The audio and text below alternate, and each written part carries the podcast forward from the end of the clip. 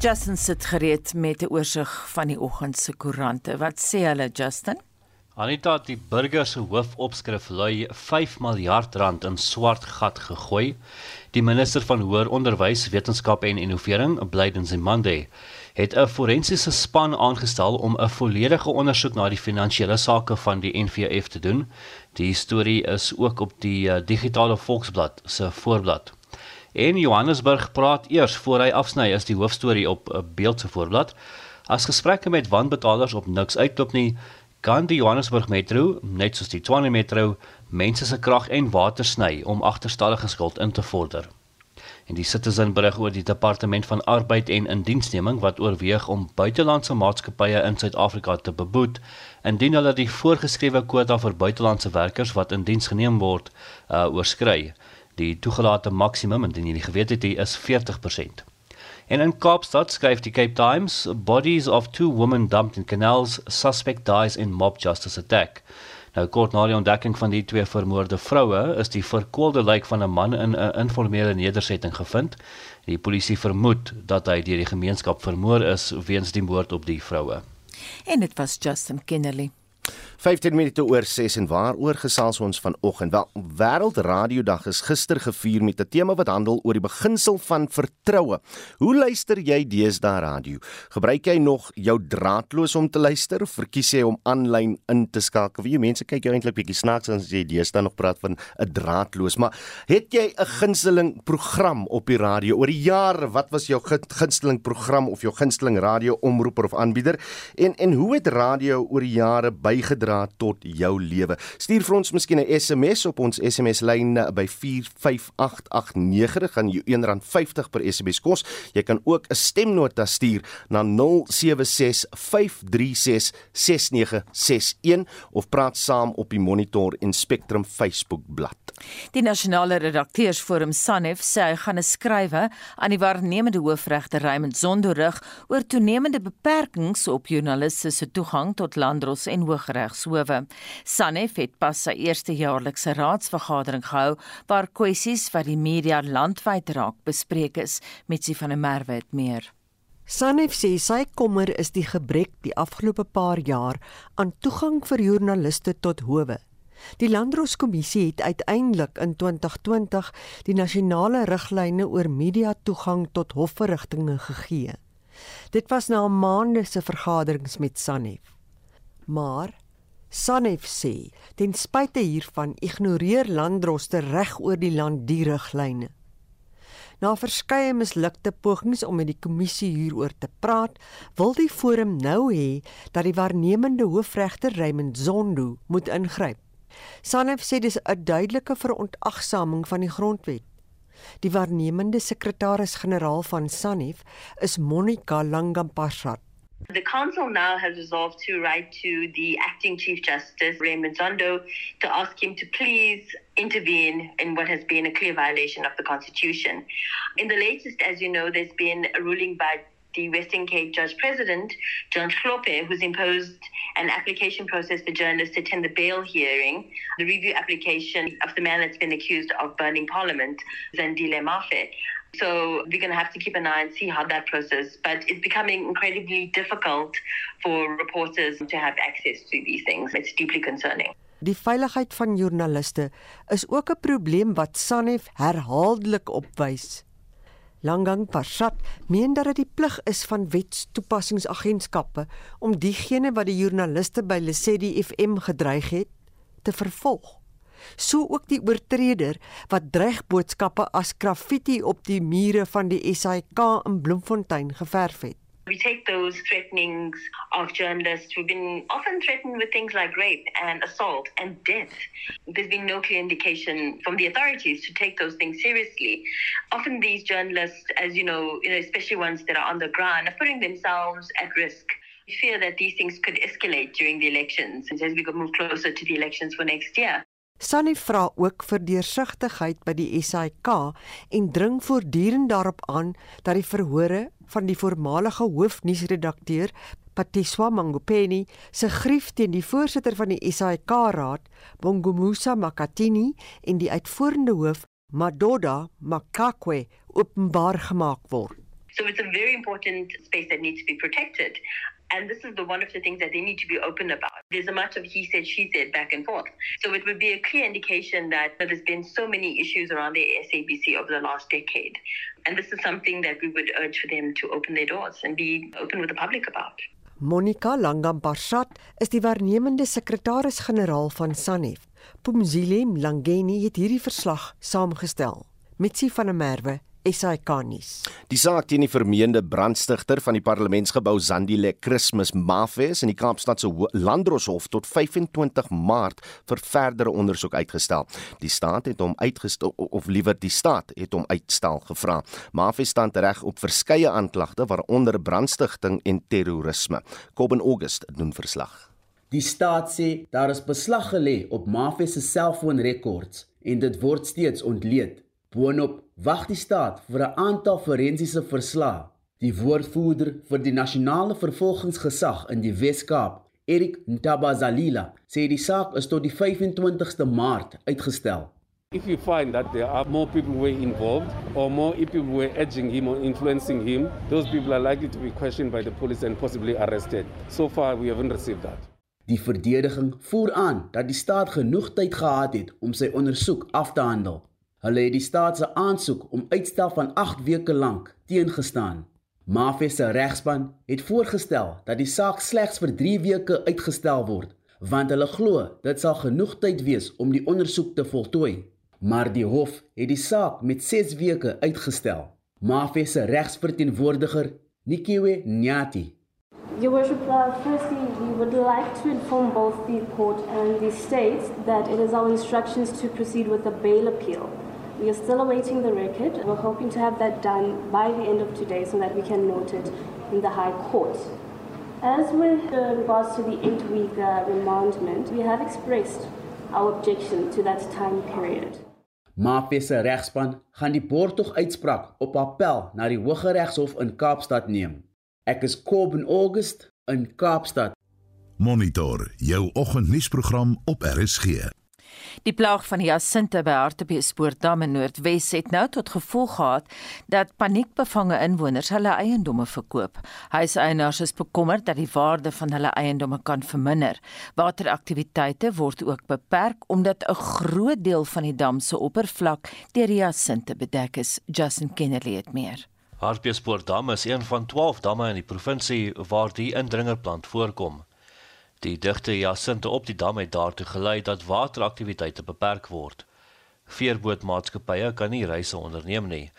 Boonop is daar berigte dat toeriste besprekings by gastehuise en ontspanningsgeriewe kanselleer. 'n Eiendomsontwikkelaar, Papilele Matlaila, sê die plaag het ook 'n negatiewe impak op die waarde van eiendomme in die gebied. People who have invested here, they've invested lot because of the view and the environment and the usage of the dam. But when the hyacinth is fully grown in the dam, they can't use their boat which is in, uh, the investment of 2 million to go around the dam. In monetary value, it reduces the prices of the house and it also make visitors not to be attracted again in RTBS. 'n Sake-eienaar, Henny Snyman, sê pogings om die plaag onder beheer te bring was tot dusver vrugteloos. Maar op hierdie stadium is toerisme besig om verder en verder agteruit te gaan en die groot hartseer is honderde mense verloor hulle werk as gevolg van die jasinte. Want die mense kan nie kom visvang nie, hulle kan nie met hulle bote ry nie. En dis kos wat van die mense se tafels sal weggeneem word. Intussen sit ons met 'n hoë werkloosheidssyfer.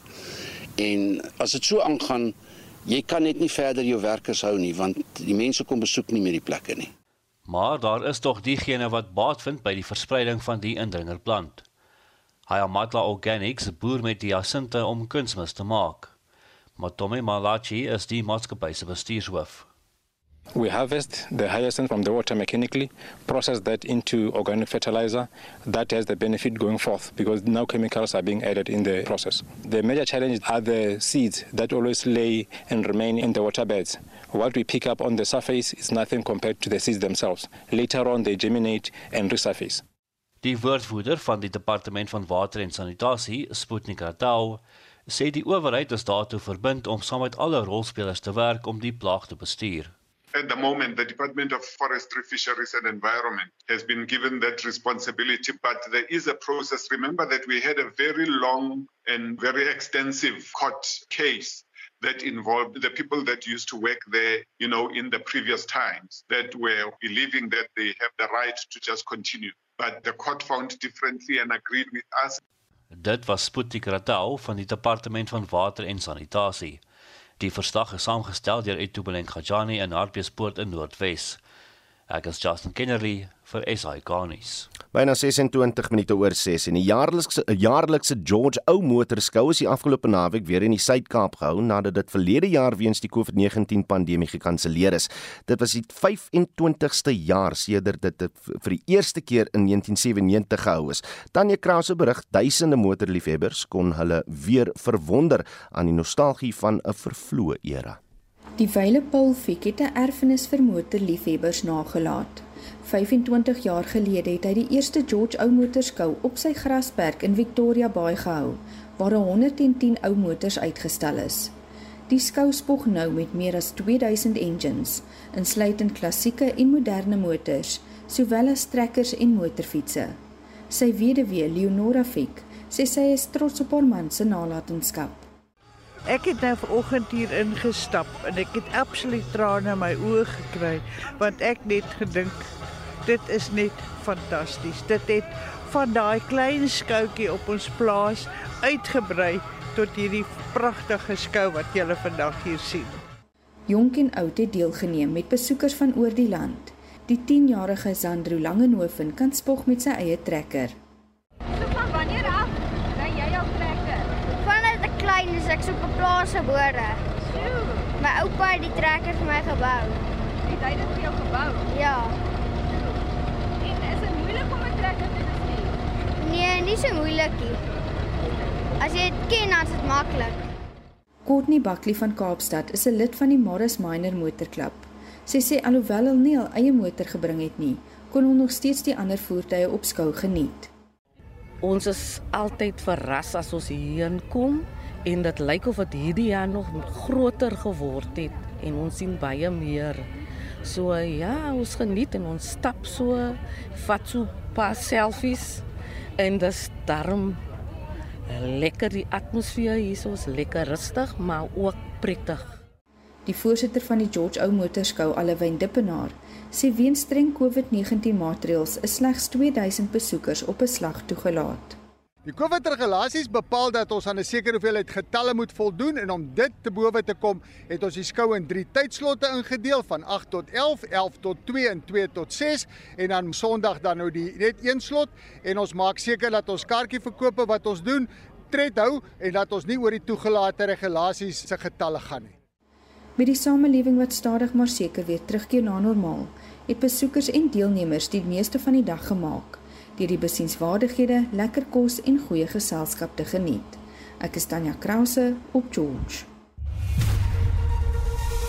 Jy luister na Monitor elke weekoggend tussen 6 en 8. Byna 6:30 in die hoofnuus gebeure, president Ramaphosa se afgelope staatsrede sal vandag en môre skerp onder oë kom tydens 'n debat in die Kaapstad se stadsaal. Die Menseregte Kommissie en 'n afvaardiging van die Gautengse regering gaan vanoggend Alexandra Noord van Johannesburg besoek om 'n gesamentlike inspeksie te doen. En die nasionale redakteursforum SANEF sê hy gaan 'n skrywe aan die waarnemende hoofregter Raymond Zondo rig oor toenemende beperkings op joernaliste se toegang tot landdros en hooggeregshowe. Bly by Monitor. So gepraat van SMS'e, julle SMS'e, julle terugvoer, julle stemnotas, wat het jy te sê vanoggend oor radio van gister was wêreld radio dag. Justin. Ons begin met Isella Roos Oudo wat sê luister RSG op draadloos as beerdkrag. Uh, as al beerdkrag is, word die nuus op battery FMP geluister. En Gerda Wessel sê ek luister my hele lewe lank radio, vroeër Afrikaanse radiodiens en later RSG, ook vroeër Radio Hoofveld toe dit nog bestaan het. En Hannes Engelbregt skryf daar is niks beter as radio nie. RSG luister ek met Monitor Spectrum kommentaar en Fritz Klaaste se musiekprogramme en Willem Viljoen se boeremusiek, my gunstelinge en dan plaaslike radiostasies ook, skryf hy. Op ons SMS-lyn skryf 'n uh, luisteraar het my oorlede man se draadloos. Werk met batterye en dis aan 24/7. Luister RSG van 5 tot 4 in die middag waarna ek oorskakel na TV tot 8uur, dan weer terug na radio tot 11uur, dan waai my vlaggie. Nou Oudo, jy het ook vroeër gepraat uh, gevra mense moet laat weet wie hulle gunsteling omroepers is. Nou Christus skryf vir ons Marietta Kreer is wonderlik in haar werk met die mooiste persoonlikheid, sal haar gister trou. En uh, Ilona sê my gunsteling oproeper is Willem en Marietta. Nou laat weet ons wat radio vir jou beteken. Dit is nou met die uh met Wêreld Radio Dag wat gister herdenk is. Jy kan 'n SMS stuur na 45889 teen die R1.50 per SMS of uh, jy kan 'n stemnota stuur na 076 5366961 of praat saam op die Monitor en Spectrum Facebookblad. Dankie Justin. Die Nasionale Beplanningskommissie waarsku dat die wetsontwerp op nasionale gesondheidsversekering in sy huidige vorm te veel mag in die hande van die minister van gesondheid sal plaas. Die kommissie stel voor dat die wetsontwerp aangepas word om te verhoed dat 'n kabinetsminister sy of haar mag misbruik. Justin is op hierdie storie. President Cyril Ramaphosa het in die staatsrede aangekondig dat die nasionale gesondheidsversekeringsfonds teen 2026 ten volle in werking sal wees. We will continue with the work underway to ensure universal health coverage for everyone in South Africa regardless of their ability to pay for medical services or not. Die nasionale beplanningskommissie wat verantwoordelik is vir die implementering van die nasionale ontwikkelingsplan sê hy ondersteun universele toegang tot gesondheidsorg. Maar die kommissie het sy kommer uitgespreek oor sommige bepalinge van die wetsontwerp op nasionale gesondheidsversekering. Dr. Ntuko Bengu is 'n kommissaris van die nasionale beplanningskommissie. The minister will appoint the CEO, the board, the three advisory committees, the appeals panel, and we believe this is not in line with proper governance principles. Die nasionale gesondheidsversekeringsfonds sal 'n geraamde begroting van 400 miljard rand hê. Bengu glo nie dit is 'n wyse besluit om die raad van die NGV fonds die mag te gee om die fonds te bestuur of te belê nie. Hy sê die nasionale tesourier moet die fonds bestuur. Bengu sê die wetsontwerp sal ook te veel mag in die hande van die minister van gesondheid plaas, daarom moet dit reggestel word. And in that regard our proposal is that the public must nominate people that it believes are suitable to serve on the board. And the parliament sort of does the interviews and recommends to the president to appoint the board. The board would then appoint its chair and deputy, and then the board again now appoints the CEO and executives. Die hoof van die gesondheidsafdeling by Deloitte, Ashley Theopanidis, sê mediese tegnologie kan gebruik word om die koste van die NGV te verminder. So using technology but also using techniques such as task shifting and task sharing because by doing that many complications can be avoided but also having that team approach to solving healthcare I think will be a far more cost effective as well as a far more sustainable way of providing healthcare into the future. Die parlement se openbare sittings oor die wetsontwerp duur voort. Die verslag is saamgestel deur Nombolelo Sibiza van ons ekonomiese redaksie. Ek is Justin Kennerly vir SI Garnis. SA Diabetes Advocacy is 'n nie-regeringsgroepering bestaande uit verskeie rolspelers met een doel voor oë om mense wat met diabetes leef se lewens te vergemaklik. Tans het die groep 'n petisie geloods wat reeds deur 5000 Suid-Afrikaners onderteken is om sensortegnologie vir die monitering van glikose vir alle tipe 1 diabetes in die land beskikbaar te stel. Nou een van die aktiviste by SA Diabetes Advocacy, Ul Prinsloo, sluit nou telefonies by ons aan. Goeiemôre Ul. Môre Anita, baie dankie vir die geleentheid. Dis 'n groot plesier. Wat behels julle veldtog? So hierdie veldtog is 'n appel aan die Raad vir Mediese Skemas om sensortegnologie deel van hulle voorgeskrewe minimum voordele te maak. Onthou die ou manier om jou bloedsuiker te toets is om jou vinger te prik, maar dit wys nie wat tussenin gebeur nie.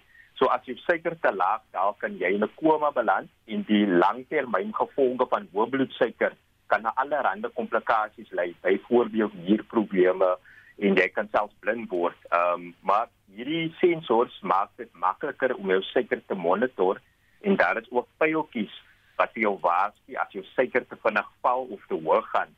Ehm um, sodat jy vroegtydig die nodige stappe kan neem.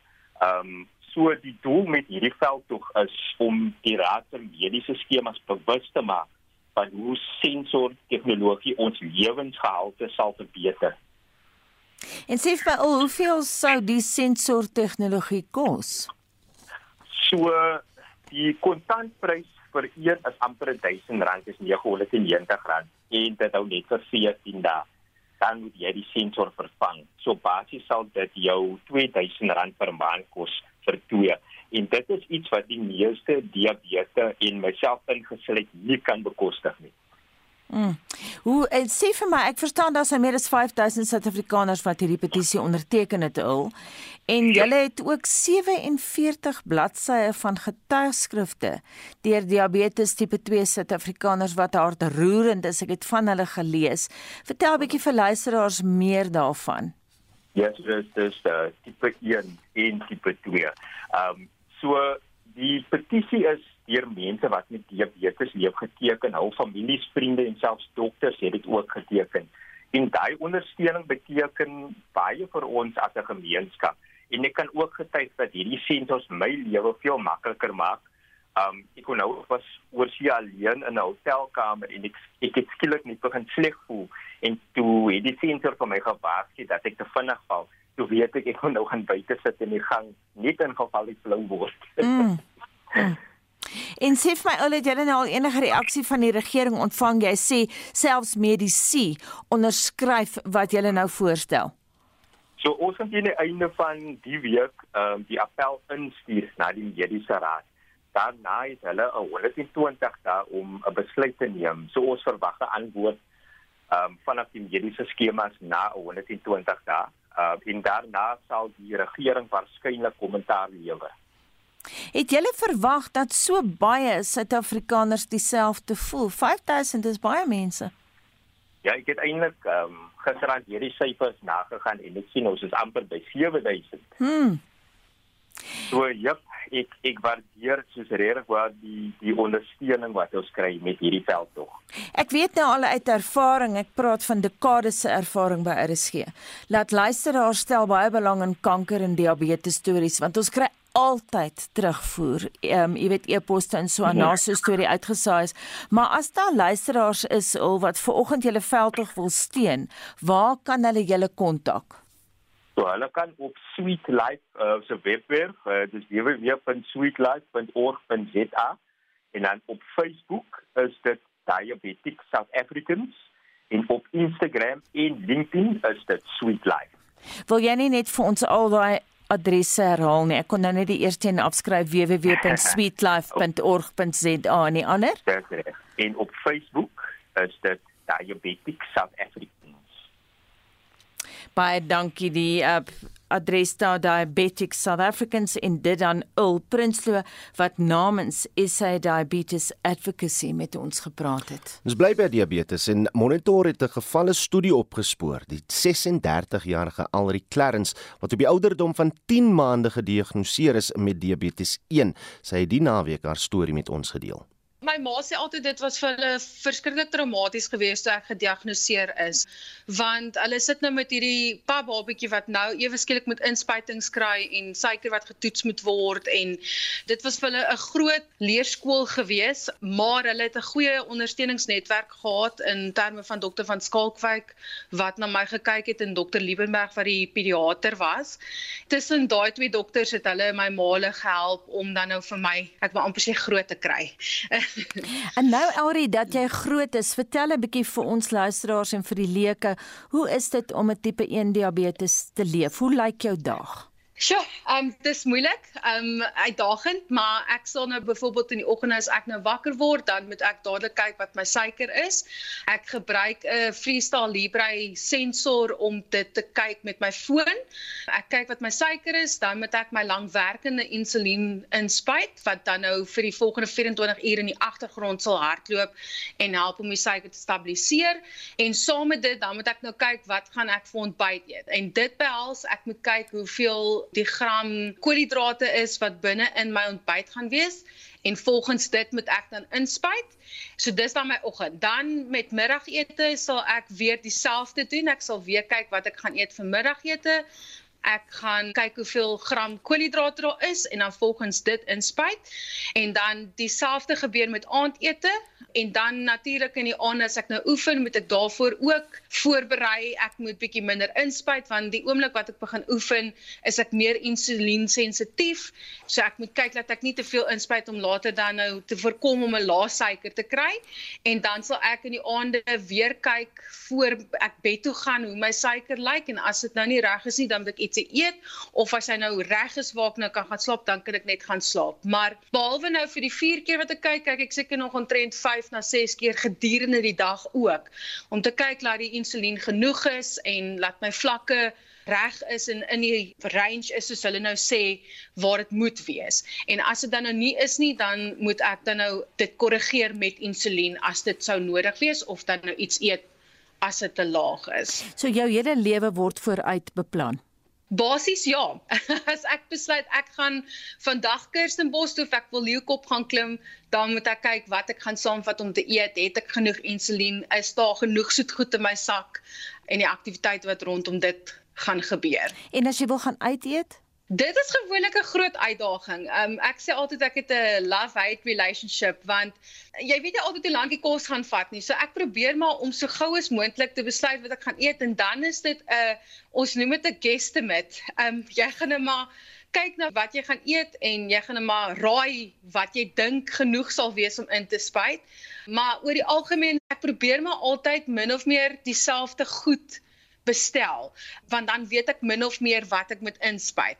En dis maar gewoonlik geval van besluit so gou as moontlik wat ek wil eet, spuit in dat ek darm ontrent so 15 na 20 minute het voor die kos by my arriveer. Dis 'n uitdaging. Baie min spontane goed wat jy kan doen. Wel, um, Ek sê ja, ek kan spontaan wees, maar maar die suiker gaan altyd ek gaan aan dit eers moet dink en net sê, "Oké, okay, goed, as my man nou in die kar wil klim en gaan kuier, okay, ek moet sorg dat ek my insulien by my het en alles wat nodig is." So spontaniteit is bietjie moeiliker as vir 'n normale mens, maar dis nog steeds moontlik. Ari, het jy al ooit flou geword weens lae suiker byvoorbeeld agter die stuurwiel? Ja, 'n paar jaar terug het ek van my dokter afgery om my sesele te gaan optel. En ek het op pad van daar af het ek bewussyn verloor agter die stuurwiel as gevolg van 'n lae suiker. Nou in my geval gewoonlik voel ek wanneer ek 'n lae suiker kry, maar die spesifieke dag het hy so vinnig op my afgekom. Ek het nie tyd gehad om vinnig genoeg te reageer nie. En ek onthou nie presies alles wat gebeur het nie. Ek onthou net dat die ouetjies wat by die robot altyd staan en die goed verkoop, hulle het aan die ruit geklop en gesê maar ek moet dryf want die lig is groen. Ek het dit op die ouende met die ek, ek sê altyd met die Here se genade het ek dit gemaak tot by my sesele en hulle het my toe nou gehelp om iets om lekker se goed in die hande te kry, maar dit was ek het van daai dag af klim ek nie in 'n kar en sê ek weet my suiker is waar hy moet wees en dat ek geëet het en dat ek alright is nie. Wat het dit aan jou selfvertroue gedoen? Is jy effens angstig nou om te bestuur? Ja, vir 'n jaar of twee na dit was ek nogal vreeslik senuweeagtig of angstig as ek in 'n as ek moes nou in 'n kar klim. Maar ek het ook daarom nou al na daai geval het ek ook nou al geleer en kyk ek baie mooi voor ek in die kar klim, maar dit nog steeds in jou agterkop. Ek's man gereeld as ek bestuur, het ek my foon by my laat ek net my suiker kan dophou vir alles ons lankpad ry en goed. Maar ja, dit sit altyd daar aan die agterkant. So jy steun hierdie veldtog dat almal maklik toegang behoort te hê tot 'n sensor wat jou eh, bloedglikose moniteer. Absoluut. Absoluut. Dit het my lewe verander. Ek voel net dat dit is so baie belangrik. Veral toe ek 'n kind was, ek het nie toegang gehad tot hierdie tegnologie nie en dit is regtig dit dit ja, so ek sê dit het my lewe verander. Ek ondersteun dit 100%. Dit dan Alri Clarence wat oor haar diabetes 1 met Anita gepraat het. Ons kyk bietjie aan in die Pan Suid-Afrikaanse Taalraad of Pansat sê hy is bekommerd dat baie Suid-Afrikaners nie gebaretaal kan gebruik om te kommunikeer nie. Pansat sê uh, tale uh, of talle liewer regeringsdepartemente en maatskappye in die privaat sektor het nie tolke wat gebaretaal magtig is nie. Dit het 'n impak op die lewering van basiese dienste aan gehoorgestremdes. Annelien Moses berig. Gebaretaal is hoe dowes kommunikeer deur middel van handgebare, bewegings, lyftaal en gesigsuitdrukkings in plaas van gesproke woorde. Pansat in Noordwes is bekommerd oor die gebrek aan belangstelling in Suid-Afrika om gebaretaal te leer. Die voorsitter Godso Modimo Seleka sê nog 'n uitdaging is dat onderwysers wat by dowe skole onderrig gee, nie oor die nodige kwalifikasies vir gebaretaal beskik nie.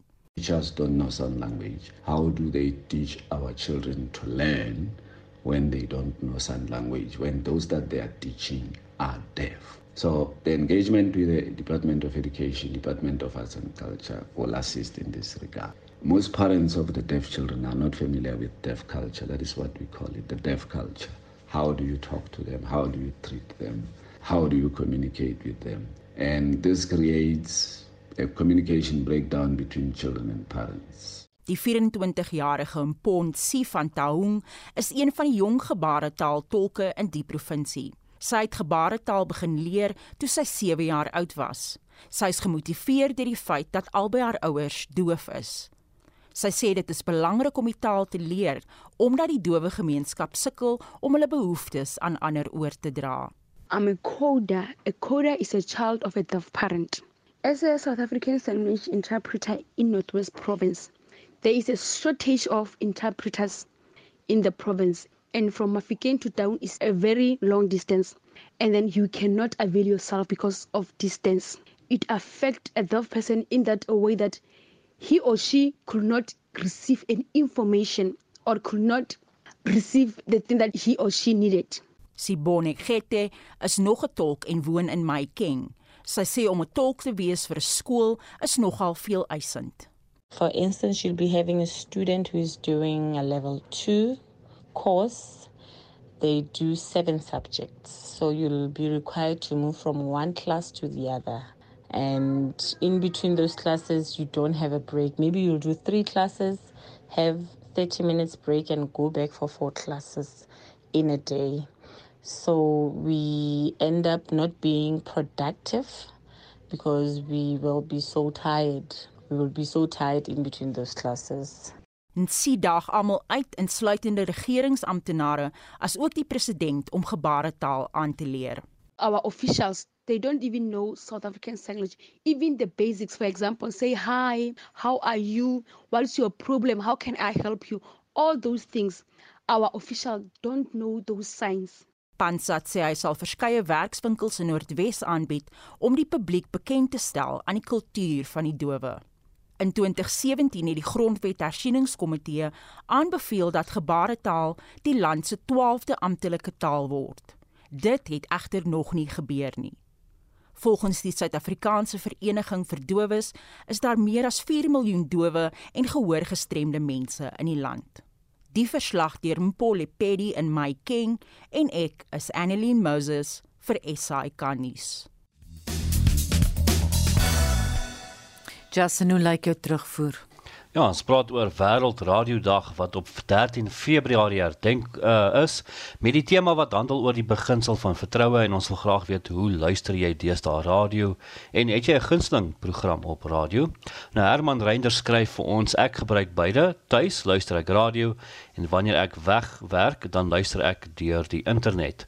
En Mike Roscoe sê ek skakel gereeld in op LM Radio aanlyn, lekker musiek daar net, jammer is meestal Engels.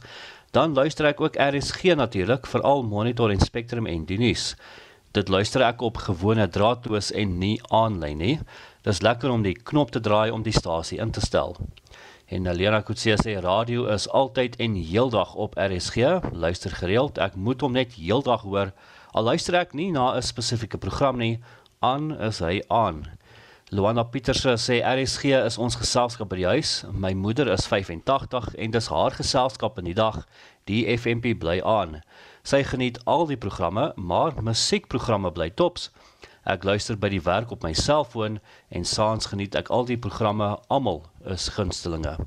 Gwyneth Holsals se gunsteling program is Breakfast met Derek en ek is mal oor Spitstyd en net oor Willem so 'n mooi stem het of en sy is ook mal oor Spitstyd net oor Willem so 'n mooi stem het. Johan Oberholzer skryf ons radio is 24/7 op RSG. Ons kan nie slaap of werk as RSG nie aan is nie, want RSG is deel van ons familie. En Barend van Merwe sê ek luister meestal op 'n regte radio, maar in noodgevalle met die slimfoontjie. My gunsteling program is sonder twyfel musiek sonder sonder grense en ook politieke kommentaar op Sondag. Ek luister al van my skooljare na die politieke kommentaar en daai jare was dit nog aangebied in deur Nikki Sevi van den Berg.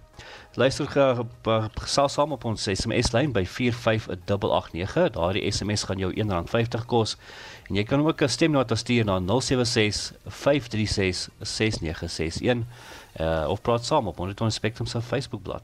Ja, bly by jou radio, bly ingeskakel na 7. Praat ons oor die mag van openbare skole om self oor hulle taal en toelatingsbeleid te besluit. Dit wat nou deur skoolbeheerliggame beheer word, mag dalk in die hande van uh, provinsiale regerings wees. So ons praat met 'n kenner daaroor net na 7. Dit bring ons nou na die jongste nuus.